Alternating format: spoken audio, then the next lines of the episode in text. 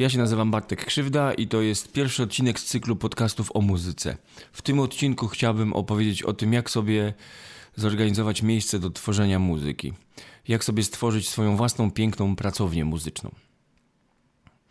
Jeszcze tylko chciałbym wyjaśnić, mm, kto to jest producent muzyczny, czym się ta osoba zajmuje, bo tutaj też jest du dużo niejasności.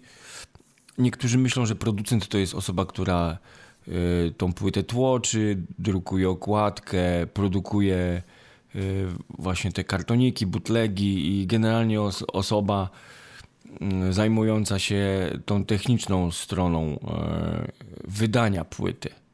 Tymczasem producent to jest po prostu kierownik muzyczny, który sprawuje pieczę nad realizacją jakiegoś dzieła muzycznego, jakiegoś projektu i jest odpowiedzialny za jego finalne brzmienie. Na przykład siedmioosobowy zespół skomponował piosenki, w swojej salce prób nagrał demówki, żeby mieć y, cały pogląd sytuacji i wchodzi do studia i na podstawie tych demówek nagrywa płytę ale nie może zagrać tych demówek jeden do jednego, bo w studiu się okazuje, że już jest inny klimat, już to nie brzmi tak jak demówki, są inne brzmienia, inne emocje, inne pomieszczenia, inni ludzie, inny czas. Oni się zmienili, minęło trochę właśnie czasu i, i trzeba coś przearanżować. I teraz siedzą w tym studio, kłócą się, yy, czy szybko, czy wolno, czy dłużej, czy krócej.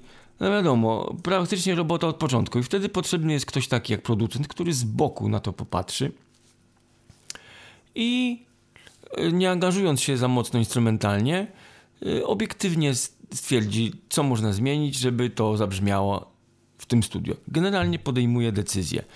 Zespół mu ufa, bo wie, że jeżeli on przybije tam swoją pieczątkę muzyczną, to będzie brzmiało naprawdę dobrze i oni będą y, z tego zadowoleni.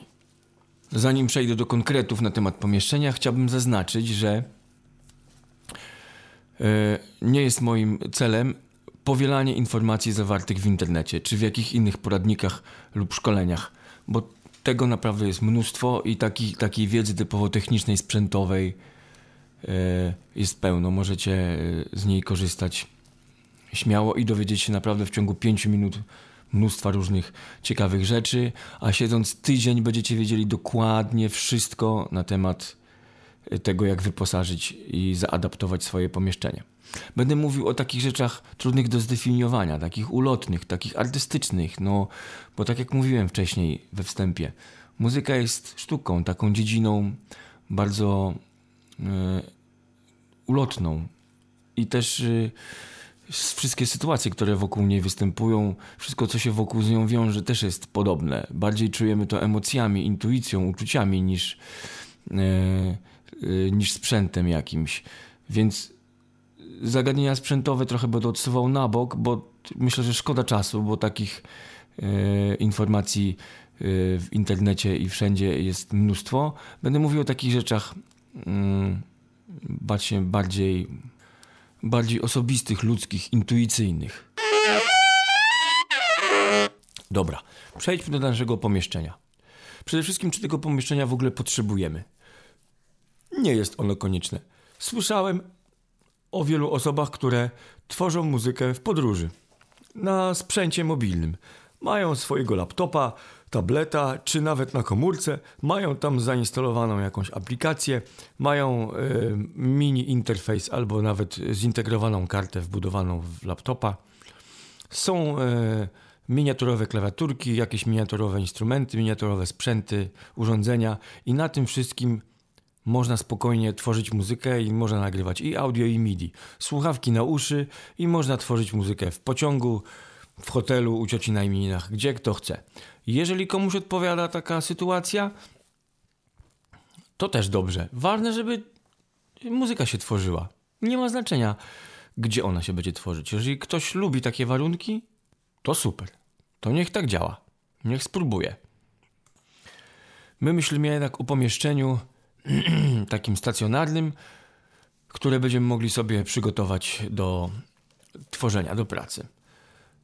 W domu można oczywiście to robić, chociaż nie polecam, bo w domu nie ma odpowiednich warunków, a to któryś z domowników się kręci, a to komuś tam przeszkadzamy, w nocy nie można pracować, trzeba siedzieć na słuchawkach, a słuchawki męczą za długo, nie posłuchasz na nich muzyki, przeinaczają, przekłamują. Poza tym za blisko lodówka, zawsze coś do jedzenia można stamtąd wyciągnąć. Kanapa, telewizor, no, miałem pracownię w domu, jakoś szło, ale jak się przeniosłem do wynajętej pracowni na mieście, wtedy tworzyło się mi bardziej komfortowo. Myśląc o lokalizacji takiego pomieszczenia, które wynajmiemy, myślmy o tym, żeby to była przyjemna okolica. Każdy ma swoje preferencje. Jednego inspiruje widok y, lasu lub łączki albo jakiejś rzeczki, innego inspiruje jakaś y, infrastruktura, infrastruktura miejska. Każdy ma inaczej. Ważne, żeby było tam okno, żeby było do, był dopływ świeżego powietrza i żeby wpadało światło dzienne. I ważne, żeby ten, ten widok za oknem nas inspirował, żeby to nie była jakaś rzeźnia, jakiś syf, że nie chcemy tam w ogóle w tej okolicy przebywać, bo chodzi o to, żebyśmy do tego miejsca jeździli z przyjemnością i tam z przyjemnością tworzyli, żeby nas to miejsce inspirowało i żebyśmy mieli komfort przebywania w nim. Dlatego obejrzyjmy dokładnie okolice, obejrzyjmy dokładnie ten budynek, w którym to pomieszczenie się znajduje. Zobaczmy, czy tam nie ma jakichś niespodzianek, czy nie wyjdzie na przykład, że obok mamy stolarnię i będą piłą chłopaki hałasować, czy nad nami nie, nie gra jakiś zespół death metalowy. Sprawdźmy, czy nie ma biur, bo się okaże później, że płacimy za pomieszczenie, z którego nie możemy korzystać do godziny 16, bo obok siedzi księgowa i jej przeszkadza to, co robimy. Sprawdźmy też dokładnie, czy są takie podstawowe, elementarne rzeczy, o których się w ogóle nie myśli czy jest bieżąca ciepła woda, żeby można było umyć ręce, czy jest toaleta, czy ona jest czysta. Przecież tam będą przychodzić do was ludzie, może dzieciaki, będą coś nagrywać. Wy tam będziecie siedzieli po kilka, kilkanaście godzin. No musi być jakiś socjal taki fajny. Wybierajmy też pomieszczenie o dużych gabarytach. Mieszczenie się w małej klitce może przytłaczać. Poza tym, jeżeli chcielibyśmy rozwinąć działalność, nagrać e, kilka osób, zrobić jakąś próbę z zespołem, no to mała klitka nas zawsze będzie ograniczać i nie będziemy mogli tego przeskoczyć. Natomiast jeżeli będziemy pomieszczenie mieli za duże, zawsze ją można zmniejszyć jakimiś parawanami czy przepierzeniami. To już nie jest kłopot. Podsumowując więc, wybierajcie pomieszczenie, które Wam się podoba, w którym poczujecie jakąś fajną energię, w którym będziecie się naprawdę fajnie czuli i w którym będzie przyjemnie wam się po prostu przebywało, więc nie róbcie tego na hura, tylko posiedźcie tam yy, trochę czasu, rozejrzyjcie się i spróbujcie jak się tam czujecie. To jest naprawdę bardzo ważne, bo siedzenie w miejscu, w którym coś wam nie gra, a muzycy są ludźmi wrażliwymi i czują takie rzeczy. Siedzenie w miejscu, w którym coś wam nie pasuje, coś was uwiera, nie wiecie co, ale po prostu nie macie tam komfortu psychicznego. To siedzenie w takim miejscu tylko was zmęczy i nic ciekawego, ciekawego nie zrobicie. Zniechęcicie się w ogóle do muzyki. Więc jak już macie takie pomieszczenie, to pierwsza priorytetowa sprawa to umiejscowienie stanowiska pracy.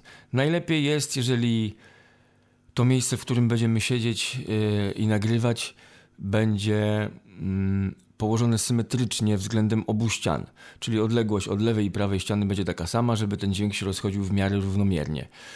Może to, możecie pracować na jakimś stole, na biurku, są jakieś nadstawki. No to już nie będę się na ten temat rozwijał, bo wiedzy na ten temat w internecie jest mnóstwo i, i urządzeń jest pełno. Do wyboru do koloru.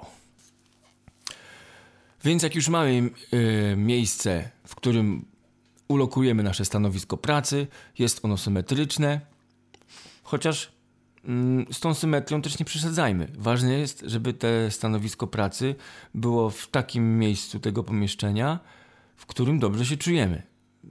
Zaznaczam, to jest podstawa.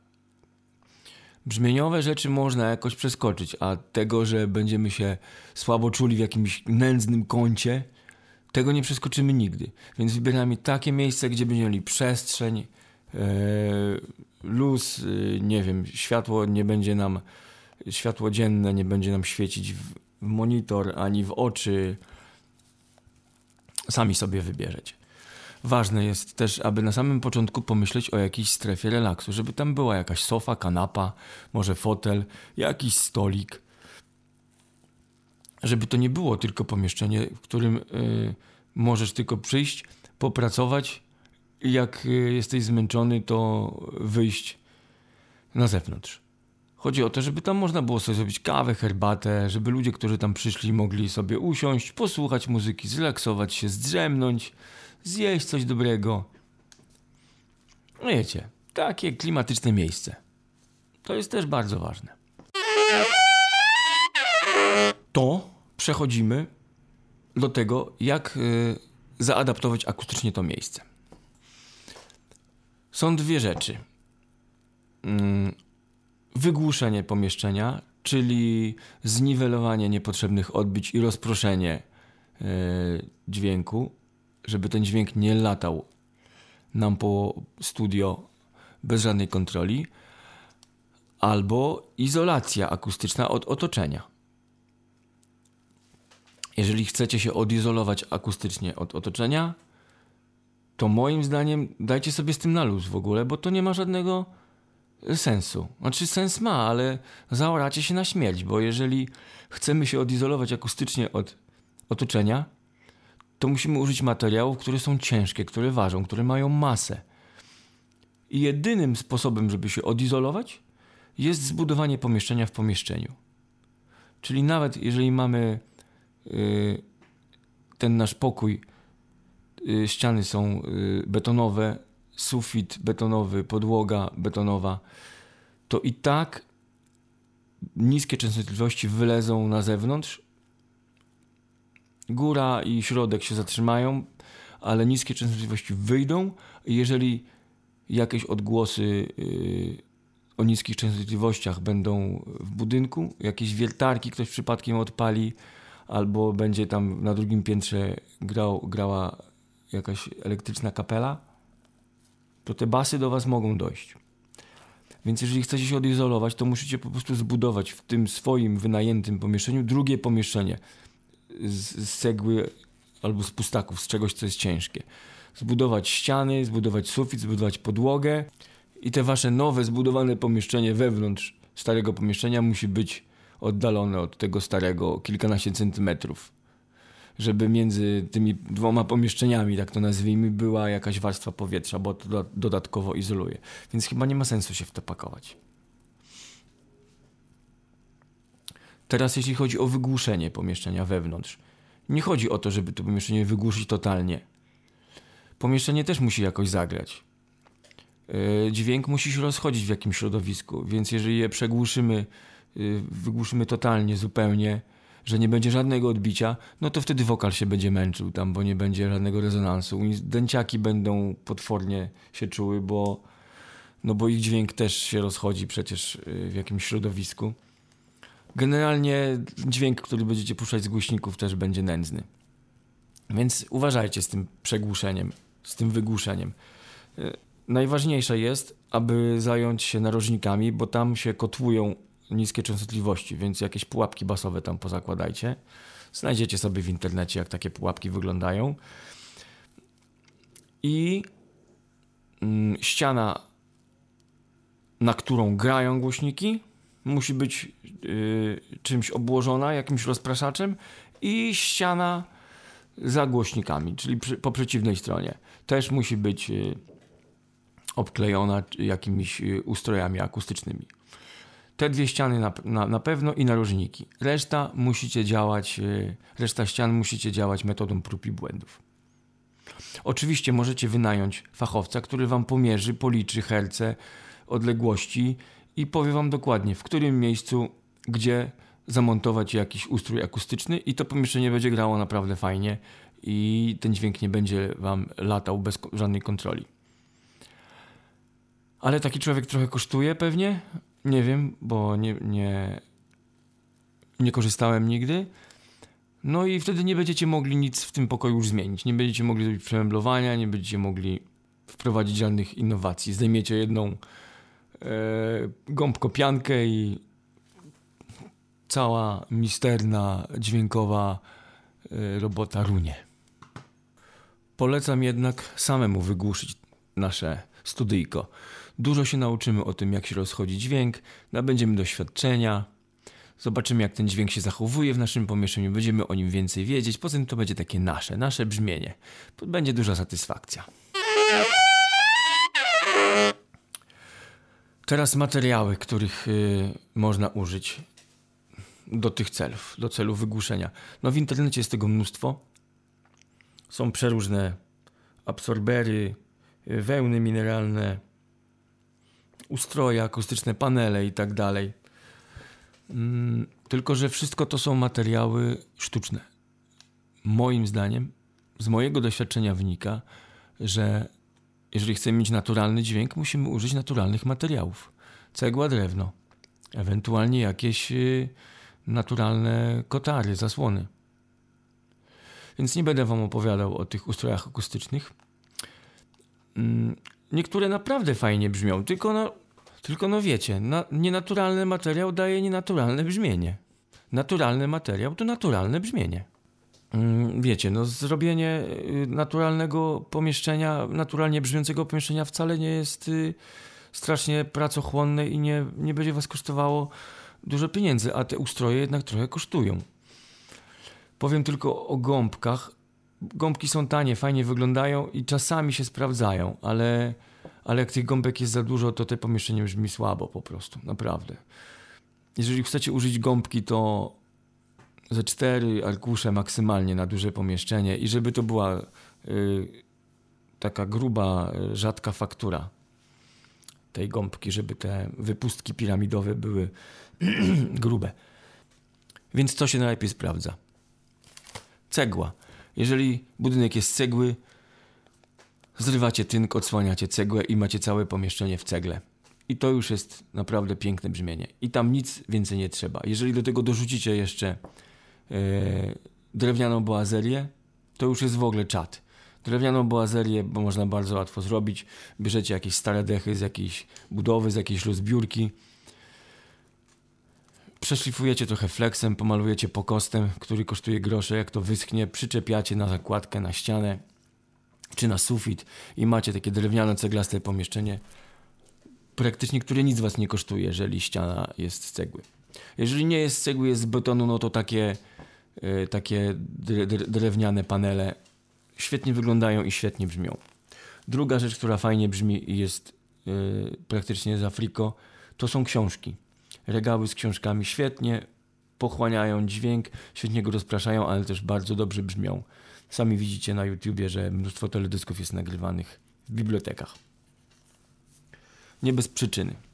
Książki, na pewno każdy ma książki w domu. Dacie ogłoszenie na Facebooku, że potrzebujecie książek. Dużo ludzi się zgłosi, bo biblioteki i prywatni ludzie pozbywają się makulatur, a czasami można coś fajnego przeczytać. Bardzo sympatycznie zachowuje się brzmieniowo yy, welur, albo aksamit, albo plusz. Welur jest z tego wszystkiego najtańszy. Ja zrobiłem sobie taki luk do nagrywania e, mikrofonów pojemnościowych e, właśnie z zasłon welurowych. Na, na e, ścianach powiesiłem kotary na hakach i na tych kotar... Boże, kotary, mm, te. Jak one mają? E, no. Jezu. Karnisze. Karnisze? I na tych karniszach wiszą te zasłony i w każdej chwili mogę sobie odsłonić e, ścianę. Jeżeli jest taka potrzeba, żeby pojawiło się jakieś odbicie, to sobie odsłaniam kawałek ściany i reguluję sobie E, to brzmienie w zależności od potrzeb. Świetna rzecz. Ten welur naprawdę nie kosztuje wiele, a fajnie brzmi. Dużo daje. Dobrym rozwiązaniem jest filtr techniczny. Filtr techniczny daje ciepłe, mięsiste brzmienie, z tym, że można przegiąć z tym filtrem, bo on naprawdę bardzo tłumi, bardzo pochłania dźwięk, więc jeden, dwa takie arkusze e, półtora metra na 2,40 wystarczą w zupełności. Filc jest y, dostępny w internecie w różnych kolorach, pięknie wygląda na ścianie, bardzo y, dobrze absorbuje dźwięk. Bardzo fajnie zachowują się kwiaty, bardzo dobrze rozpraszają dźwięk.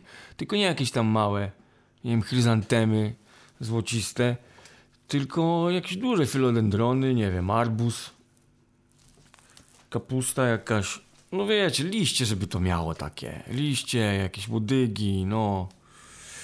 Y, To fajnie rozprasza dźwięk, naprawdę. W rogach super brzmi i wygląda. Y, I też fajnie działają, y, działa takie przepierzenie y, z koralików drewnianych. Kiedyś za komuny można było w wielu domach zobaczyć na, na drzwiach takie przepierzenie. To fajnie na ścianę powiedzieć, nawet na gołą ścianę powiedzieć takie przepierzenie, ona fajnie rozprasza y, wysokie dźwięki. Dobra, myślę, że te dwa tematy wystarczą na pierwszy odcinek, bo to już ma dwadzieścia kilka minut. Mm, Jakby ktoś miał pytania, niech pisze do mnie na Facebooku albo mailem bartekkrzywda.małpa.pl Jeżeli chcecie dołączyć do mojej grupy na Facebooku Produkcja Muzyczna Bartek Krzywda, to zapraszam Was serdecznie.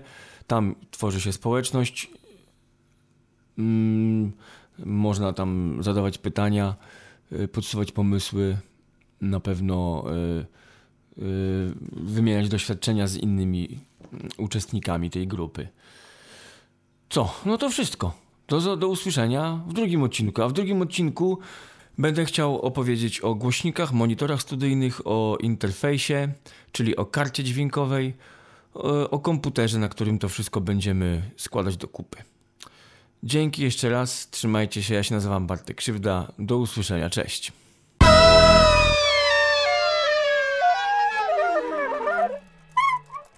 Tak, obiecałem, że y, ten odcinek nagram y, w normalnych warunkach, a nie znowu w kuchni przy brzęczącej lodówce. Ale nie wyszło, tam przygotowałem sobie to moje studio, mikrofon podłączyłem pojemnościowy i chciałem to właśnie nagrać w tych warunkach tak pięknie zaadaptowanych materiałami, o których wam opowiadałem, ale no nie wyszło. Siedziałem, siedziałem, patrzyłem na te głośniki i musiałem i tak wrócić do domu i sobie siadłem w kuchni, zjadłem zupę.